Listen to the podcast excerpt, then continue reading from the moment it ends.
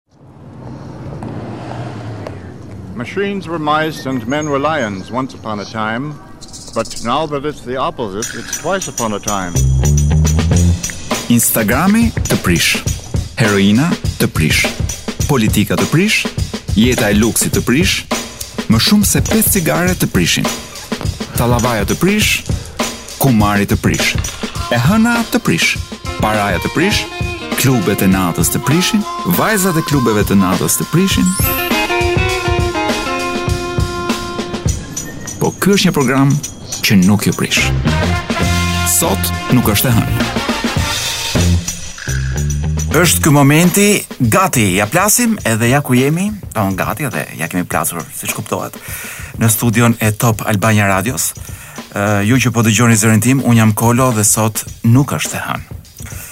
Nuk është e hënë, por është, ku diun, është gjithashtu një ditë gjithë energji me pak pranverë brenda, plot me strese, inate, mllefe, një çik depresion aty vërdallë, por ne i kemi provuar të gjitha. Dua t'ju them që kur njeriu hyn në studion e Top Albania Radios ka një ka një po themi një një seancë të shkurtër parapërgatitore në korridor ku dëgjon muzikën e Top Goldit. Meqenëse edhe zyra Top Goldit është këtu brenda ambienteve të radios, dhe, dhe në përgjithësi në korridore dëgjohet uh, muzika Top Goldit dhe mendoj që është një nga korridoret uh, e vendeve të punës më të hajrit në Shqipëri. Do të rrish në korridor dhe dëgjon muzikën e Top Goldit. Madje, nganjëherë nuk dëgjon muzikën e Top Goldit, po dëgjon muzikën që po bën gati uh, DJ e Top Goldit për ta vënë ku di un për programin e darkës ose të nesërme, ose ku di un. Pra, dëgjon i merr kështu si të përmbledhur kështu një esencë të asaj që do të dëgjojnë të tjerët. Kemi dy orë për të kaluar së bashku, do përpiqemi t'i kalojmë në mënyrën më elegante të mundshme. Do përpiqemi të shajmë uh, herë me dorashka, herë pa dorashka, kryesisht qeverinë, po dhe çdo gjë tjetër që na bezdis. Ama do ta shoqërojmë me muzikë të mirë. Po dëgjoni Top Albania Radion dhe sot nuk është e hënë. Është momenti kur ne i bëjmë një rishikim ngjarjeve që kanë shënuar javën e kaluar dhe falë edhe fushatës kemi mjaftueshëm shumë ngjarje. ku mbizotërojnë ngjarjet me përmbajtje halucinante. Po fillojmë me halucinacionin kryesor të javës. Do ta mbyllim me një me, me një e, halucinacion që është më i ëmbli i javës. Po halucinacioni kryesor ose një nga kryesorët për mua ishte kryeministri i cili ë Nga ato shashka që hedh vazhdimisht hodhi një tjetër, tha do sjellim në Shqipëri fabrikën e prodhimit të vaksinave kineze. Kështu them, ja ta hap lajmin se mos e kam lexuar gabim në titull, se nganjëherë titulli nuk përputhet shumë edhe me edhe me lajmin. Po, është cituar fjalë për fjalë, shpresoj ta ketë cituar mirë, dëshiroj të ndaj me ju një lajm shumë të mirë. Më duket lajm shumë i mirë ndoshta për ne, po jo dhe aq mirë për kinezët. Kemi nisur biseda, ah, ka nisur biseda. Për të sjellë në Shqipëri fabrikën, fabrikën e prodhimit të vaksinave.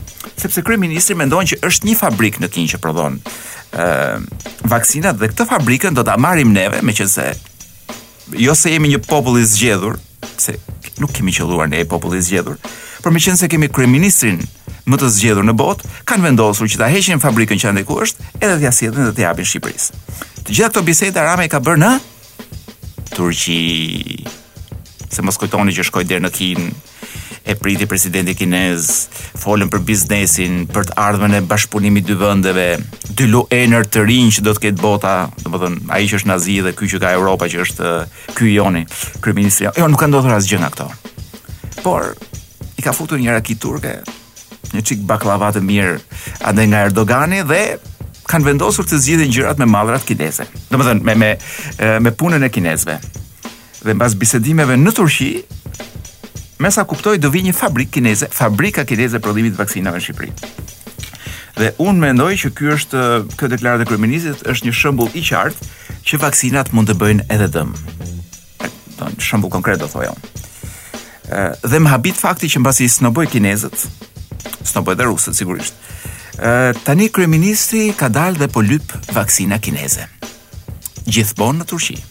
Hm? Pasi na tha që pa mir, pa miratuar FDA dhe EMA, ë ne nuk fusim kësi vaksinash dhe si na tha, na tha kështu me një me një ton arrogant që ku dini ju ç'flisni më. Ju, ju, ju jeni budalla ju s'kuptoni për çfarë flisni mo. Si t'i fusim ne pa i miratuar Europa dhe Amerika këto lloj vaksinash. Dhe ja ku jemi kur ai premton që jo vetëm do na i ka futur dhe po i fut e do na vaksinojë me ato. Pa u miratuar as nga Europa dhe as nga Amerika, por madje do fillojë dhe t'i prodhojë këtu. Do të prodhojmë armatim anti-europian, Armatim. Vaksina anti-europiane mu në kufijtë e Europës. Edhe themi ne pse nuk na fusin europianët brenda në shtëpinë e tyre. Ë po duhet thënë që kinezët u treguan shumë të poshtër karshi kryeministrit sepse nuk i dhanë shans që ky të shkonte dhe të bënte show në Pekin. Se jam shumë i bindur që kështu e ka dashur, kështu e ka pasur qëllimin fillestar të shkojë në Kinë, të bëjë një ekzibicion atje, me fabrika, me vaksina, me shtrëngime duarsh, me përqafime me me presidentin kinez e me të tjerë. Nuk ia dhanë, nuk ia dhanë këtë fat. Kështu që do marrin vaksina kineze, ndoshta të ardhura nga Turqia. Ëh, tjetër çfarë kemi diçka tjetër, ë uh, një nga këto gjëra që po ndodh përsa i përket show-ut politik është edhe vendimi për ta bërë uh, vaksinën ata që do e bëjnë në shesh, Nuk di të kem parë ndonjë lajm nga bota ku vaksinat bëhen nëpër sheshe. Sigurisht që kërkojnë një hapësirë të madhe për të vënë shumë kabina. Kryesisht përdoren sallat e panaireve. Neve kemi një stadium lojrash me dorë, por nuk besoj se jemi keq për salla të hapura. Po qe se do të na duheshin, por jo, gjithë puna është që të bëhen në mes të sheshit për ta parë të gjithë që këtu kryeministri vetë po na bën vaksinat. Vetëm se është një çik vonë. Domethënë, ne kemi nisur të fundit dhe jemi më keq gjithë se jemi më keq se gjithë të tjerët me bërjen e vaksinave. Kalojmë tani tek një lajm tjetër ë um, uh, haluçinant këtu. Luljeta Bozo. Ylli për pak thashë ylli në ngjitje i politikës shqiptare, por ë uh, nuk jam i sigurt se sa do e lënë këtë yll të shkëlqej dhe të ngjitet. Uh, paska thënë zonja, Zonja deputete e ardhshme. Me tërmetin, qeveria tregoi se menaxhoi situatën shumë mirë. Sepse zonja Bozo, si shumë bashkëmoshatarë të vet dhe pensionistë të tjerë, e shohin botën nga ekrani i televizorit dhe nuk ka faj. Në televizor, aty ku e sheh ajo, duket sikur gjithçka shkon mirë. Kështu që nuk i vë faj zonjës Bozo, që të them, Nuk, do unë mendoj që televizori është një tjetër gjë që të prish. Kam dëgjuar dhe thashetheme që kryeministri ka thënë që mos e lër, mos i lënë shumë hapësirë televizive Luljetës së gjorë sepse nuk është shumë dakord me mënyrën se si ajo po e pompon fushatën e partisë së vet. Po citoj nga gjëra që ka thënë vetë Bozo. Çdo gjë kisha imagjinuar, okay, këtë ka thënë një herë. Por çdo gjë kisha imagjinuar, po jo që të isha në politikë etj etj. Kur më erdhi ftesa nga Rama dhe kur Veliaj më hoqi pasiguritë. Oh. Të rrim pak të ky halucinacioni këtu. Sepse Veliaj është njëshi, domethënë, kryetari i bashkisë është njëshi për të hequr ë jo vetëm për të hequr pasiguritë, po ti nuk e kupton, po të ka hequr dhe kapset e flokëve. ë domethënë të puth dorën dhe të ashtu të, të, të, të heq edhe unazën nga gishti i dorës, domethënë kur ti s'e ke mendjen. Si thotë një miku im aktor komik, ë jam shumë kurioz të di ë a do hapë mbasi të largohet nga politika Veliaj një qendër trajtimi ë të njerëzve të moshuar. për t'u hequr pasiguritë dhe për t'i rilançuar në jetë. Tjetër gjë çfarë kemi nga ngjarjet e javës së kaluar? Po, kemi edhe këtë yllin tjetër në rënie, aktori Robert Ndrenika, që që nuk mjaftuan gjithë thagmat që na dhuroi gjatë kohës së shembjes së teatrit, por tashmë ka vendosur të bëhet protagonist në spotin e PS-së edhe ky. Dhe Haluçinant si gjithë njerëzit që siç thashë shohin botën nga televizori, edhe ky thotë punët e nisura t'i çojmë në fund. Pra njeriu që thoshte kur të shembet teatri, të shembet me gjithë mua brenda, e, tani e quan dhe një punë të mirë të nisur dhe është gati t'u hyjë me eskavator vetë të gjitha institucioneve të artit. Unë do doja që këtë ta kishin vënë deputet, zotin Ndrenika, ta kishin vënë deputet që në të rrinë në bankë me zonjën Bozo, domethënë, Një banka e studentëve të dalluar të parlamentit. Uh, nuk jam shumë kurioz të di se me çfarë mbajnë peng Drenikën sepse nuk uh, gjej asnjë logjikë tjetër uh, që ky go, një një goxha burr që na dukej domethënë të ketë uh, një deformim të personalitetit të kësaj natyre. Por kjo është mënyra se si pushteti e deformon njeriun. Çfarë të them unë?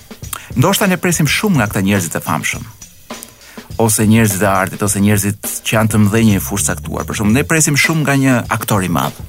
Jo, në fushën e vet është një aktor i madh. Ë kur ti e heq nga fusha e vet, ai mund të jetë njeri fare i vogël dhe ne bëjmë shumë gabim që hedhim shpresa të mëdha. E njëjta gjë me zonjën Bozo, që unë besoj që është një profesioniste ose ka qenë një profesioniste shumë e mirë në fushën e vet. Dhe do kishte bërë mirë të kishte ndenjur atje për t'i shërbyer vendit. Po kur e merr dhe e fut në një fushë tjetër, njeriu uh, tregon madhësinë e vet uh, natyrale. Kështu që si zonja, si zotëria janë një zhgënjim shumë i madh për mua. Kemi ë uh, njeriun që i shpëtoi një lot uh, gjatë kësaj fushate. Dhe ky është simpatiku Erion Braçe. Dëgjova, s'më besohej, kur thonin që për pak kishte qarë përpara fierakëve. Në fakt, e besova, por nuk e dija që kishte qarë nga mallëngjimi. Thashë, ka qarë ose, e, ku ta di, dikush mund t'i ketë ngrënë bukën me gjalpë atje, siç ndodh rëndom në Fier. E, jo, paska qarë nga mallëngjimi, dhe ka thënë fraza të tipit. E, për shumë, për, për, e para, Ky fliste Braçe, po gjithçka që thosh dilte nga goja e tij ishte Edi Rama, Edi Rama. Ë pra fierakët nuk mundën të dëgjonin nga vetë Braçe se çfarë do bëjë, çfarë do thotë sepse po dëgjonin se çfarë do bëjë Edi Rama për ta. Dhe ndër perlat e këtij fjalimi të përlotur ishte fraza unë e çmoj shumë se më ka dhënë lirinë. Ëh, ju do thoni ore ku e mbanin Braçen, mos e mbanin gjë të mbyllur.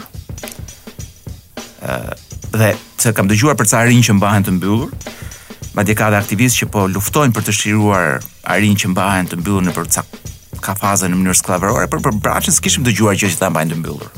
Jo, Ky thotë më ka dhënë lirinë që t'i qëndroj përpara.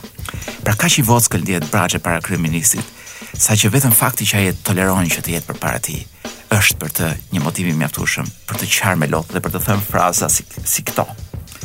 Atë e kam si vëlla. Ëh. Uh, tashi Braçe gjithmonë ka qenë i emocionuar, ë.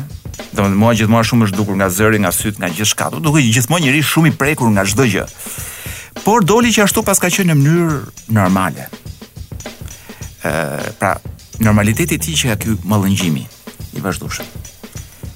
Dhe e ka mbyllur fjalimin me frazën me premtimin më saktë, Pra premtimi i madh elektoral i Braçes ishte Edi Rama është një punëtor i zakonshëm si të gjithë ju. Dhe këtu kemi sinqeritetin maksimal që një njeri si Zoti Braçe i përlotur sigurisht mund të ndajë me publikun dhe me njerëzit që e votojnë. T'i thotë vetëm të vërtetën e pastër. Edi Rama është një punëtor i zakonshëm si të gjithë ju. Për pak, prej lotëve me siguri, e ka përmbajtur pa ua thënë atyre që Edi Rama paguhet me 300.000 lekë muaj ose 400.000 lekë ose 200.000 lekë muaj. Ka njerëz që marrin edhe vetëm 150.000 lekë të vjetra në muaj. Po Edi Rama është njëlloj si gjithë këta. Tërë punë që 400.000 lekë muaj i bën kokaina. Jo Rama sepse nuk jam i sigurt që Rama përdor edhe pse dikur ca ish-shokë të vet si Ben Blushi ia hidhnin llafin aty këtu që ore mos vajti të fshijë hundët ai e tjera tjera po unë nuk e di nëse pi apo jo por 400.000 lek i bën kokaina një zotërie me kollare me shumë para dhe me pushtet i cili do të do të kalojë një fundjavë për të për të lehtësuar veten nga nga tmerret e Tiranës. Ba, e, gjithmonë flas për të tjerë, jo për kryeministrin. Ç'do flasim më? Do Braçja, unë do do e do e mbyll këtë këtë parti, do thoja unë, këtë paketë informative me ngjarjet e javës së kaluar, duke ju lënë që të dëgjoni lotët e Braçes. Mbas lotëve të Braçes, do ridëgjohemi sa më vonë me thagme të tjera. Edi Rama është një mik, është një shok. Për mua është një vëlla. Ka zgjedhur që të më ketë në krah, por unë e çmoj shumë që më ka dhënë gjithë lirinë që t'i qëndroj përballë. është një liri që e meriton çdokush, çdo shqiptar, e pikërisht edhe për këtë arsye, shtuar me arsyen tjetër. Që Edi Rama është një punëtor i zakonshëm si gjithë ju. Nuk nuk është e hënë. Sot nuk është e hënë. Faza e fushatës. Kjo fushatë, njëlloj si gjithë të tjerat, është për jetë a vdekje. Pothuajse për të gjithë. Sepse Shumë nga partitë luajnë realisht për jetë a vdekje. Kur them partitë nënkuptojmë individet që drejtojnë partitë, sepse këtu partitë në të vërtetë nuk ekzistojnë në kuptimin klasik të fjalës. Dhe fushata është, është e ndezur, pamë dhe kryeministrin që i hiqte mikrofonin dikujt, një gazetare, Dhe në vend që t'i kthente përgjigje i thoshte po po se ti se televizioni yt se pronari yt se ku di unë se çfarë do të thonë. Gjëra klasike kur nuk do të përgjigjesh dhe sulmon tjetrin, duke i thënë ah, se të mbaj mend se ti ke një xhajë që ecën rrugës flet me vete, e dimë ne kush je, ah se dikur ke qenë 5 vjeç, ë nuk fshije dot qurret, ku di unë ti ishe ky. Kjo është tipike e njerëzve që nuk të japin dot përgjigje. Unë kam pasur fatin këtë javë që të të të ndjek disa biseda me gazetarë suedezë, mbi gazetarinë suedeze dhe mënyrën se si bëhet gazetaria atje. Po ju them që mund ta shihni edhe do mund ta kuptoni edhe duke parë serialin Borgen që keni në Netflix. E keni edhe në RTSH. Por në qoftë se nuk do ta shihni serialin, po ju them nja dy tre gjëra që edhe mua më habitën nga gazetaria suedeze. E para që gazetarët kur kur një politikan qoftë dhe i nivelit të lartë futet në një studio gazetari, ai që ka frikë është politikani në fakt, jo gazetari. Dhe ai që masakron tjetrin është gazetari. Është komplet e kundërta e Shqipërisë kur iu bë një pyetje këtij gazetari suedez që a ia jepni pyetjet paraprakisht ë të intervistuarve, ai nuk kuptonte Ai nuk kuptonte pyetjen. Pra këtë pyetje që u bë nuk e kuptonte. Pra vetëm ideja që ti të jesh i detyruar siç ndodh me gjithë skotën tonë politike, duke filluar nga kryeministri, duke përfunduar ke ministrat dhe dhe liderët e opozitës, e kërkojnë pyetje për pyetje, duan të dinë se për çfarë do flitet. Pra që të mësojnë gjërat si papagall në shtëpi. Që është gjithashtu një nga krimet që i bëhet gazetarisë, duke filluar nga Fevziu e duke mbaruar ku di unë te Kolballa. Me gjithë të tjerë që janë ndërmes. Pra, kjo mënyrë e të bërit gazetari është një turp në fakt për gazetarin, sepse pyetjet nuk jepen. Ti mund të thuash tema është kjo, por jo t'i thuash dhe pyetjet që do të bëhen. Për të mos thënë pastaj turpin tjetër që ka raste kur pyetjet i bën zoti Fuga në zyrën e vet, siç kam dëgjuar nga vetë gazetarët. i bën zoti Fuga dhe ia çon pyetje të gatshme që gazetarët të mos lodhen për të bërë punën e tyre fisnike prej gazetari. Dhe kjo është arsyeja pse ti nuk bën dot një hard talk, një një një bisedë në studio që të jetë një bisedë reale dhe mirëfilltë e një gazetari me një politikan. Ku ti t'i bësh pyetjet e forta dhe ai të jetë i detyruar të përgjigjet. Arsyeja është sepse asnjë nga gazetarët tanë, pra duke filluar edhe një herë nga ë Fevziu e duke mbaruar tek ku di unë. ë Eni Vasili, me gjithë të tjerët që janë ndërmjet, asnjëri nga këta nuk ka këlqet që të bëjë një hard talk Sepse pyetjet do t'i di ai tjetri më parë. Dhe mbi të gjitha kur tjetri di pyetjet, të detyron ty të bëj të bësh pyetjet që do ai. Ose thotë, hiqe këtë, hiqe këtë, hiqe këtë dhe për këtë nuk përgjigjem. Prandaj kemi mbërritur në këtë pikë që gazetaria nuk është më as nder i madh, po thosha unë për një pjesë të madhe të këtyre që ju shihni nëpër ekrane. ë uh, As fisnik edhe mbi të gjitha nuk është një roje, një qen roje që do të bënte roje neve. Nuk është e hënë. Sot nuk është e hënë. Sot nuk është e hënë dhe ju po dëgjoni Top Albania Radion. Ka shumë gjëra që të prishin dhe një nga këto gjëra është edhe depresioni, për fat keq. Dhe ne po jetojmë në një kohë depresioni global. Jemi të gjithë një çik depres nga brenda, ca nga ne janë dhe më shumë. Edhe specialistët me cilët komunikoj dhe flas, më thonë që numri i njerëzve në depresion është shtuar shumë. Edhe ilaçet antidepresive, të cilat nuk janë aspak turp, kanë filluar të pihen siç pihej dikur aspirina. Për të ndier seksi duke pirë një, një aspirinë dikur.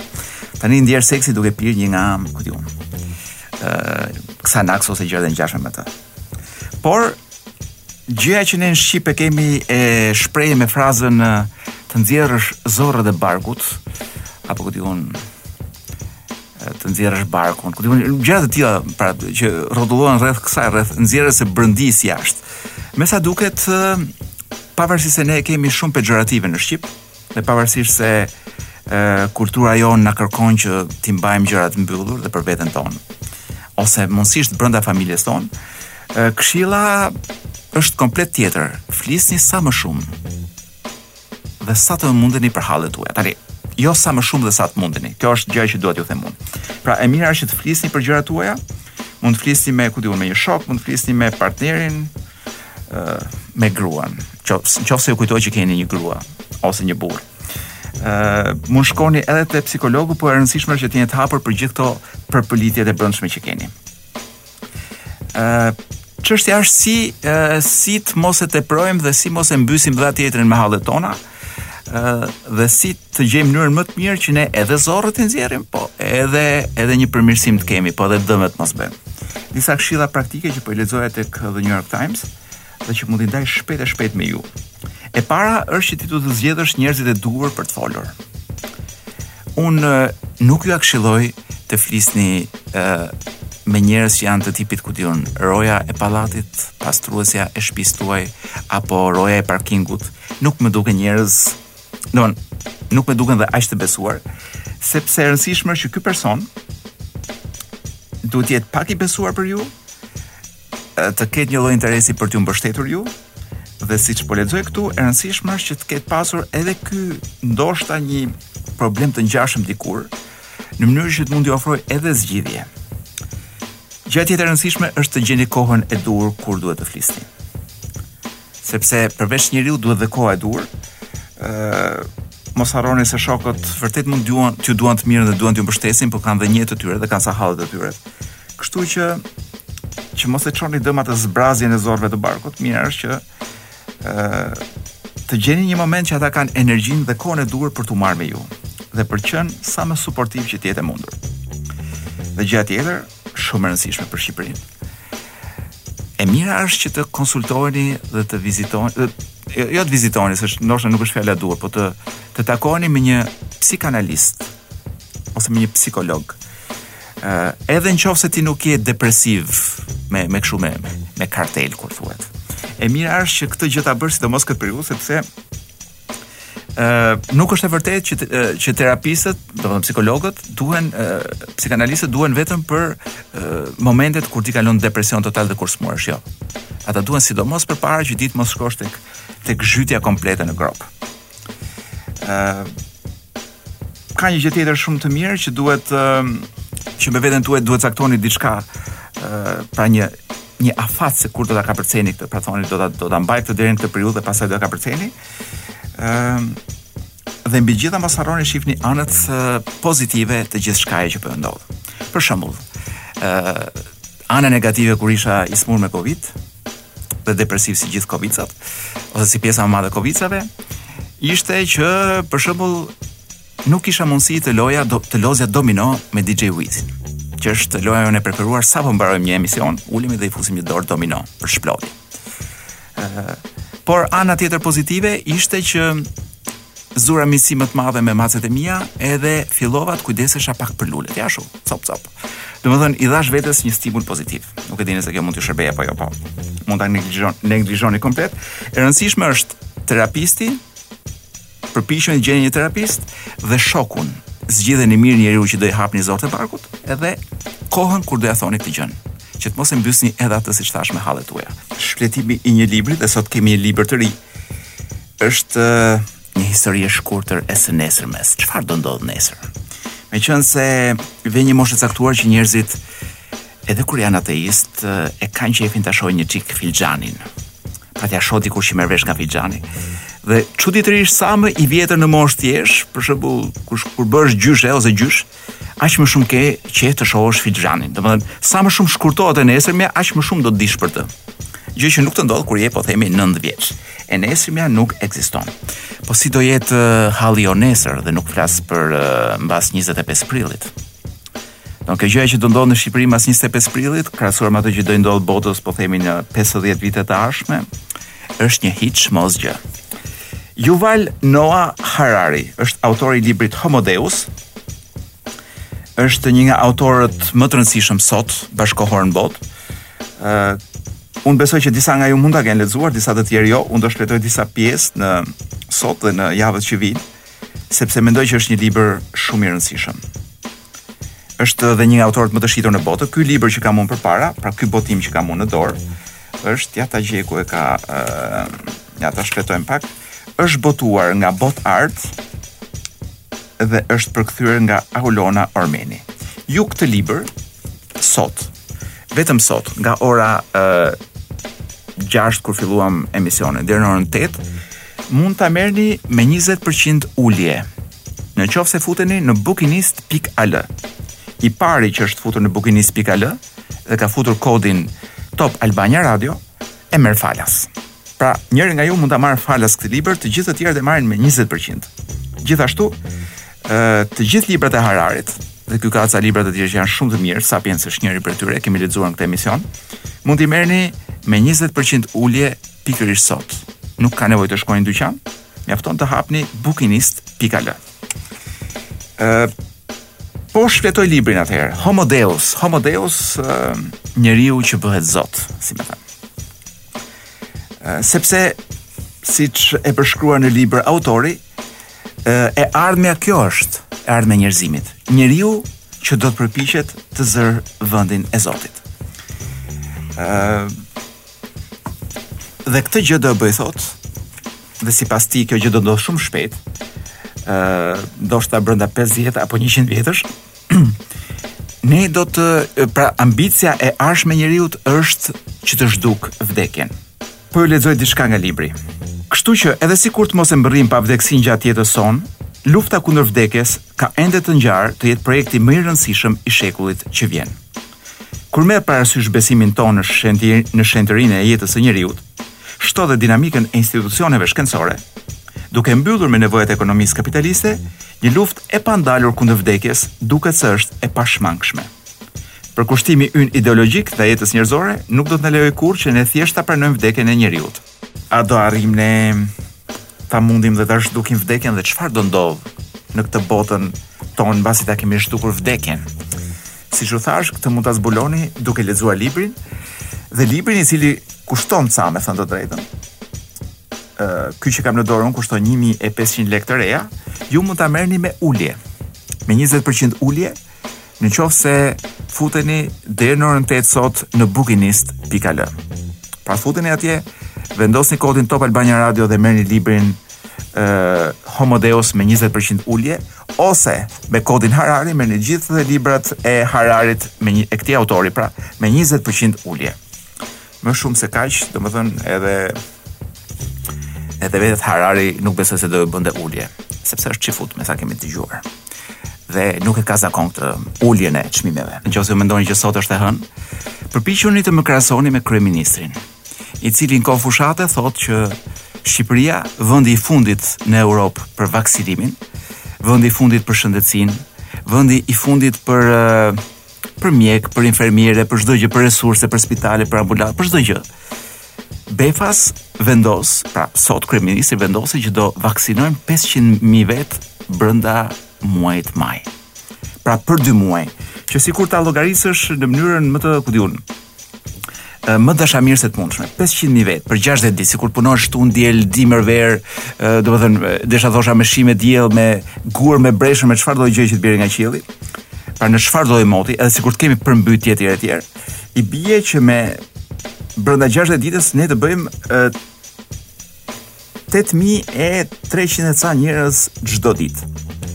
Nga të cilët, në qoftë se ne do punojmë tetorëshin sa ç'ka dita, i bie që të bëjmë uh, 1040 veta në orë. Dhe duke menduar që duke llogaritur gjithë kohën që duhet uh, sa të të marrin, sa të të ulin, sa të të regjistrojnë, sa të gjithë këtë kohën, po, po e quaj unë 10-15 minuta, sa mund duhet. I bie që të kemi 200 veta në çdo moment duke u vaksinuar. Pra në çdo moment duhet të jenë 200 veta duke marrë një vaksinë. Pra ose në procesin e marrjes së një vaksine, ndoshta gjilpërën ngulur. 200 veta, ë të cilët do donin të paktën nja 2000 veta staf. Pra këta 200 vetat do donin 2000 veta staf të të përkushtuar, duke filluar jo vetëm nga infermierët, po ata që i regjistrojnë, po ata që i ruajnë, ë po ata që i transportojnë vaksinat etj etj. Pra gjithë ky stafi ë vaksinues dhe ndihmës do të ishte 1000-2000 veta, të cilët ne nuk i kemi sepse kanë ikur në Gjermani ndërkohë. dhe vazhdojnë të ikin edhe sot. Pra gjatë këtyre dy muajve që bëhen vaksinat, shqiptarët do të vazhdojnë të ikin drejt Gjermanisë dhe kryesisht njerëzit profesionistë.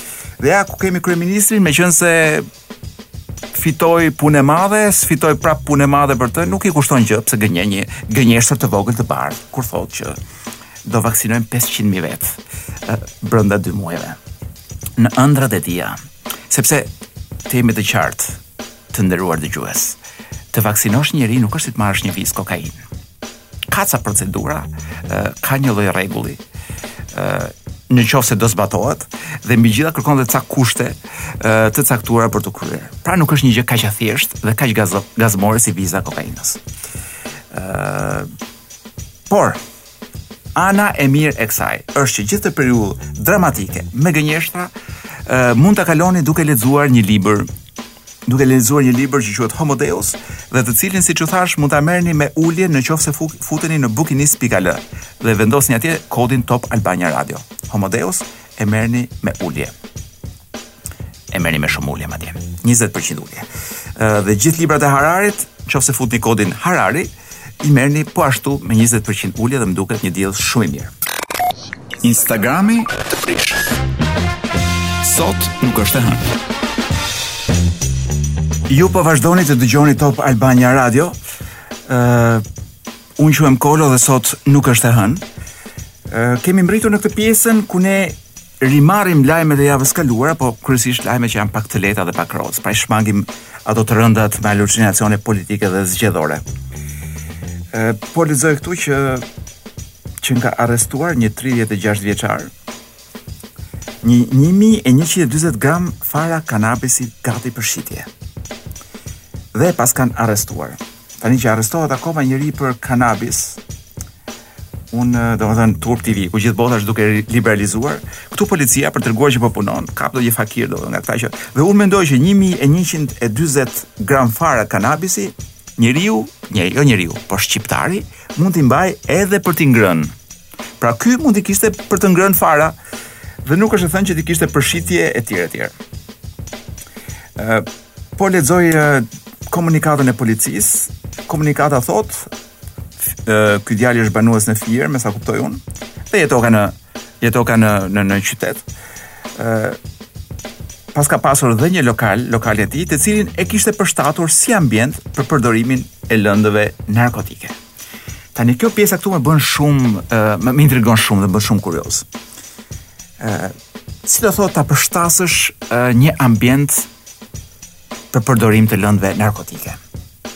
Për shembull, unë jam interesuar se unë jam interesuar për shembull të bëj një përshtatje të shtëpisë për përdorim të lëndëve narkotike, por nuk jam shumë i, i ditur në këtë fushë dhe nuk e di ku duhet vendosur divani për shembull. Frigoriferin mos duhet ta heq apo duhet ta lë aty. Feng shui a hyn në këtë Në në këtë riarredim të shtëpisë apo jo? Ë uh, pastaj tapeti, çfarë ngjyre duhet ta kemë etj etj. Nuk e di ë uh, dhe megjithatë foton e kryeministrit ku ta vë. Sepse çdo çdo uh, shtëpi serioze që do përdoret për uh, për përdorim lëndësh narkotike, pra çdo zyrë serioze apo ambient serioz për përdorim lëndësh narkotike duhet të ketë foton uh, jo të Ismail Qemalit. por të Edi Ramës. Kështu që se praktikisht e ke gjysëm zyre atë, e ke për përdorim të lëndëve narkotike, pra është zonë kreative dhe foto e kryeministrit duhet në mur. Edhe pse ka njerëz që më kanë këshilluar që foto e Ramës uh, nuk këshillohet, sepse të tremb, mbasi ke bërë ca fije bari. me të dëgjuar e kam. Dhe nuk ka gjë më të poshtër, DJ Wizi mund ta mund të vërë dorën në zjarr për këtë, kur ti pi bar dhe të shkon keq e pira. Pra kur të del gjë, një foto, foto e që s'duhet përpara. Atëherë, shkojmë te kombëtarja, nuk po flas për ndeshjen me Anglinë, sepse nuk kam gjë për të thënë. Ë, por mora vesh ndeshjen para kësaj që ishte ajo me Andorrën. Ne qenkemi uh, indinjuar shumë. si komb, si popull, si kombëtare dhe si media, sepse kombëtarja jonë qenka larguar nga stadiumi pa bërë dush, ç'po thua. Meqenëse stadiumi i Andorrës nuk paska dushe brenda, dhe sigurisht që këta tanët ndoshta s'kanë ditur gjuhën ose kanë pasur shumë sedër për të pyetur uh, ku janë dushet aty jashtë, domethënë. Turp t'i vijë Andorrës. Turp t'i vijë po të kishin dy pare mend në kokë, bënin stadiumin si ne, me qendër tregtare brenda, me hoteleri brenda. Pra, ti vërtet mund mos kesh dushe në Qemal Stafa, domethënë s'është më Qemal Stafa, quhet arena diçka. Ë, por ama qendër tregtare ke aty dhe mund shkosh të lahesh kur të duash. Pra, në, nuk ngelesh kurrë pa gjë nga një qendër tregtare. Ndaç dushe, ndaç banjo e aromatizuese. Atje të shkojnë në banjo, të shkojnë të, saj, të sajon në banjo të qendrës tregtare, kështu. Por ata janë shumë budallenj, nuk e kishin me qendrën tregtare stadiumin. Ë uh, dhe lajmi i fundit, ore që ka drogë komplet kjo pjesa roz, me sa shoh unë. Tentuan të fusin kokainë në burgun e Drenovës. Nga ata kanë marrë këtë ves të keq. Dy persona kapen nga kontrolli. Tash unë mendoj që kjo është thyerja ligjore më e zgjuar që mund të bësh. Pra të të kapin të të fusin në burg kur ti je ndërkohë duke tentuar të fusësh diçka në burg. ë dhe je brenda në burg, do edhe po të kapën. Pra eliminohet gjithë kjo pjesa shko hajde hyr e dil. Ëm Pastaj le të themi që kokaina duhet sepse si mund ta përballosh Fevziun duke e parë në qelinë e burgut. Kam dëgjuar që Fevziu është shumë i famshëm ndërmjet të burgosurve. Sidomos këta të rretheve të larta, sepse është model, thonë. Model. Don, do thosha është model veshje, e shohin shumë për, e studiojnë shumë për veshjen sepse çdo i burgosur ka të drejtën e vet të ëndërrojë për një jetë të bukur kur del nga burgu, të vishet mirë, të jetë i pashëm. Dhe kam dëgjuar që kanë gjetur uh, idealin e tyre tek Fevziu. Garderoba e Fevzos kam dëgjuar është ëndrra e çdo burgaxhiu shqiptar. Ç't'ju them më tepër. Rama u thirr në Francë uh, për t'i thënë që të miratojë parkun në uh, uh, voltaik të Karavastasë për francezët, me sa duket paskësh qenë e vërtetë, sepse mbas vizitës në Francë, uh, befas shohim që francezët fitojnë këtë parkun këtu. Një procedurë që siç kam dëgjuar ishte mbajtur ishte tejzgjatur. A janë francezët fituesit ë e vërtetë kur thuhet me drejt zoti të të asaj kontrate, këtë gjë nuk mund ta them, po dyshime ka plot. Ë çështja është që ose pikëpyetja është që si është e mundur që sa herë që kryeministri do të ketë një rrahje shpatullash diku duhet t'i japim një copëz Shqipërie.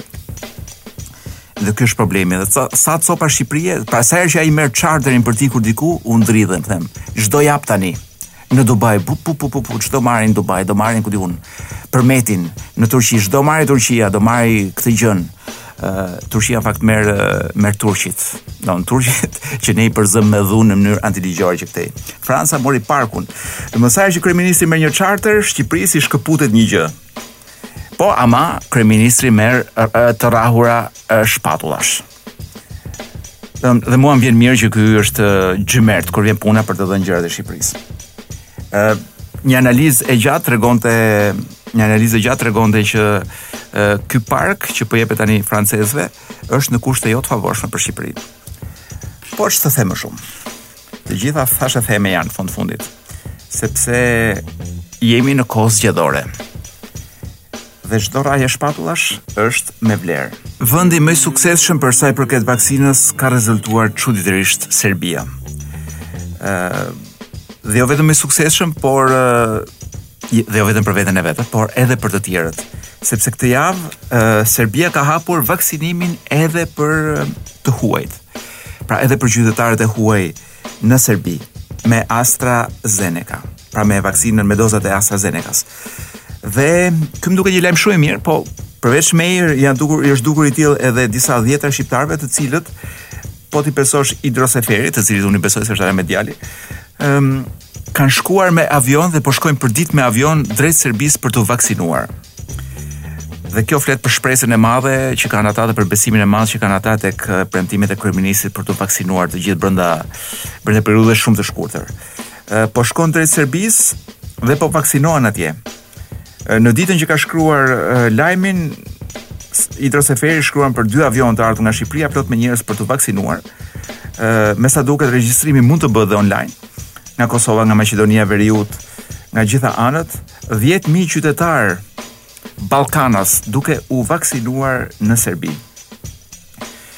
Ë madje, po ky nuk është kjo nuk është një lajm i fundit fare sepse qytetarë shqiptarë janë duke prej kohësh janë duke u vaksinuar në Serbi falë një iniciative të dhomës së tregtisë dhe të industrisë serbe.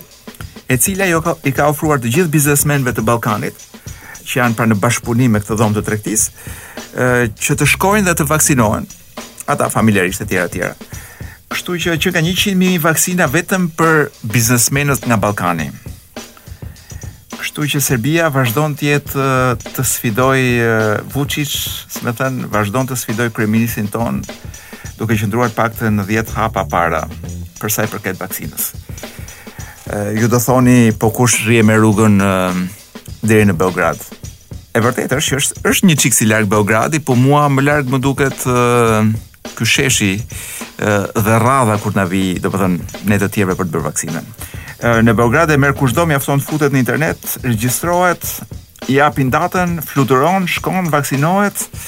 Ëm I fut edhe një shlivo diku në një nga baret e Beogradit dhe kthehet prapë në shtëpi. Kjo është situata. Dhe kësaj i them organizim.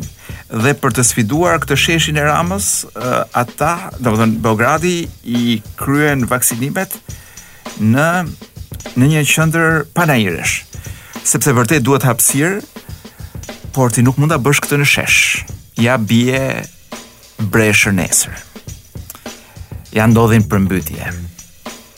Ja shkojnë qentë rrugës edhe bën çiçin rrëzë çadrave ku po bën vaksinimet, që duhet të ishin sterile, e të tjera, e të tjera. Por nevoja për ekzibicionizëm e kryeministrit mposht logjikën e çfarëdolloj profesionisti kur vjen puna edhe tek mjekësia. Sepse ky është kryeredaktori, kryemjeku, kryeinxhinieri, kryeartisti, kryepolitikani dhe kryemisi i Shqipërisë, kryeministri jo. E mbyllëm dhe me Beogradin, është edhe Blendi Kajsiu. Më vjen keq se më duket nuk jeton më në Shqipëri dhe unë e konsideroj humbje për Shqipërinë, por për fat Kajsiu është në kontakt me gjëra që ndodhin në vend dhe shumë me sa duket. Dhe herë mas herë shfaqet me ndonjë me ndonjë shkrim si ky që ka bërë tek gazeta Panorama, ku vë në dukje tre gjëra ë në lidhje me fushatën e Edi Ramës. ë Pra, ky vë në dukje se si në fakt me ato gjëra që po bën në fushatë, kryeministri thjesht po tregon ë, që nuk është aspak ai që ka dashur prej vitesh të na thotë. Për shembull, dhe rimerr edhe sulmin seksist kundër Grida Dumës, ndaj të cilës përdori një imazh që ishte përdorur në mënyrë të tillë që të dukej si pornografik.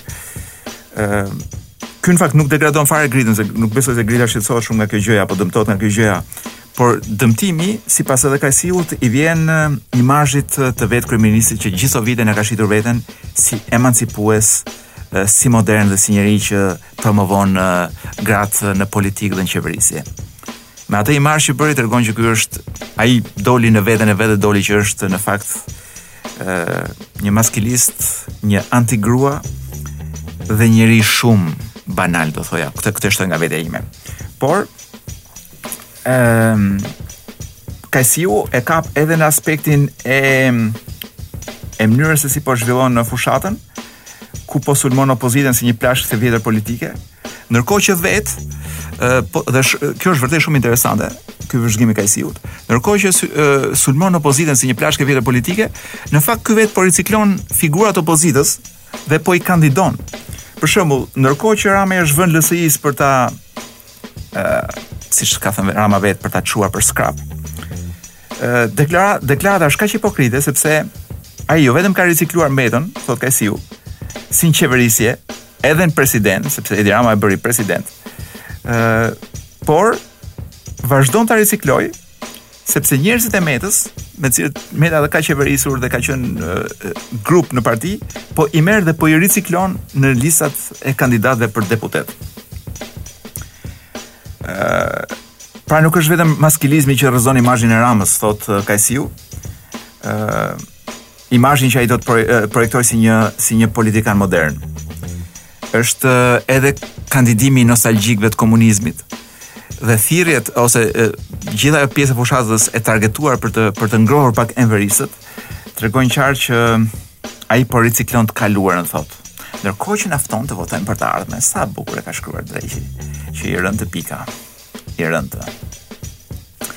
Ë për thashethemet e mbylljes, pra kjo ishte një lloj si ngrohje për thashethemet e mbylljes. Ë gojët e liga duan të thonë që kryeministrit i ka ikur zari dhe sepse sondazhet nuk janë mirë, ndryshe me me depresionin që kanë shumë njerëz dhe frikën që kanë që nuk do të ketë një një rotacion dhe kryeministri do të jetë do të vazhdojë të qeverisë në mënyrë absolute. Ë sondazhet që jo shpesh tregohen për të cilat kam dëgjuar dhe nuk i kam parë me sytë e mi, tregojnë të kundërtën. Shqipëria po zgjohet. Pra Shqipëria do një gjë të re. Dhe unë mendoj që kjo është hera kur ne nuk kemi gojë për t'u ankuar. Sepse është vërtet një opozitë që është pjesë e një establishmenti të vjetër, por ka edhe gjëra të reja në treg. Ka kandidatë të pavarur, ka lëvizje të reja në treg, pra nuk ka asnjë justifikim për të qëndruar në shtëpi dhe për të thënë që nuk ke se çfarë të zgjedhësh. Unë them që kjo është koha kur ne do ta ngrejmë bythën nga divani edhe të shkojmë dhe të votojmë. Voto kë të duash, vetëm futu tek ajo kutia e votimit. Edhe ndoshta të ngulin edhe një edhe një vaksinë ndër të tjera. Sepse nuk nuk jam shumë i qartë se ku do i bëjnë këto këto qindra mijëra vaksinimet, por nuk do ish, nuk do të çuditesha t'i bënin dhe ditën e votimit. Edhe të na ngulnin në ëm në qendrat e votimit. Ky është fundi i kësaj dite që kemi kaluar bashkë në valët e Top Albania Radios. Ne do të ritakohemi përsëri mbas një jave. Ë, por pavarësisht që e gjitha i gjithë perceptimi jonë është që gjërat nuk shkojnë mirë dhe gjithçka po shkon keq, ë, nuk është ashtu. Nuk është ashtu dhe për t'ju bindur për këtë mund t'ju them që UFO-t ekzistojnë. E ka thënë John Ratcliffe, një njeri shumë i afërt, pra njeri i afërt i Trumpit dhe që ka qenë shefi i ish shefi i zyrës së inteligjencës amerikane. Ka thënë që ka UFO, si s'ka UFO, shumë shpejt do dalë një raport i zgjeruar. Pra UFO-t ekzistojnë, janë mes nesh. Mund të jenë dhe në pallatin tënd. janë edhe në qeveri, po emrat nuk i them sepse janë sekret. Ju përshëndes, ju uroj një javë sa më të mbarë, edhe jo nga unë, po nga DJ Wizi keni një puç puç.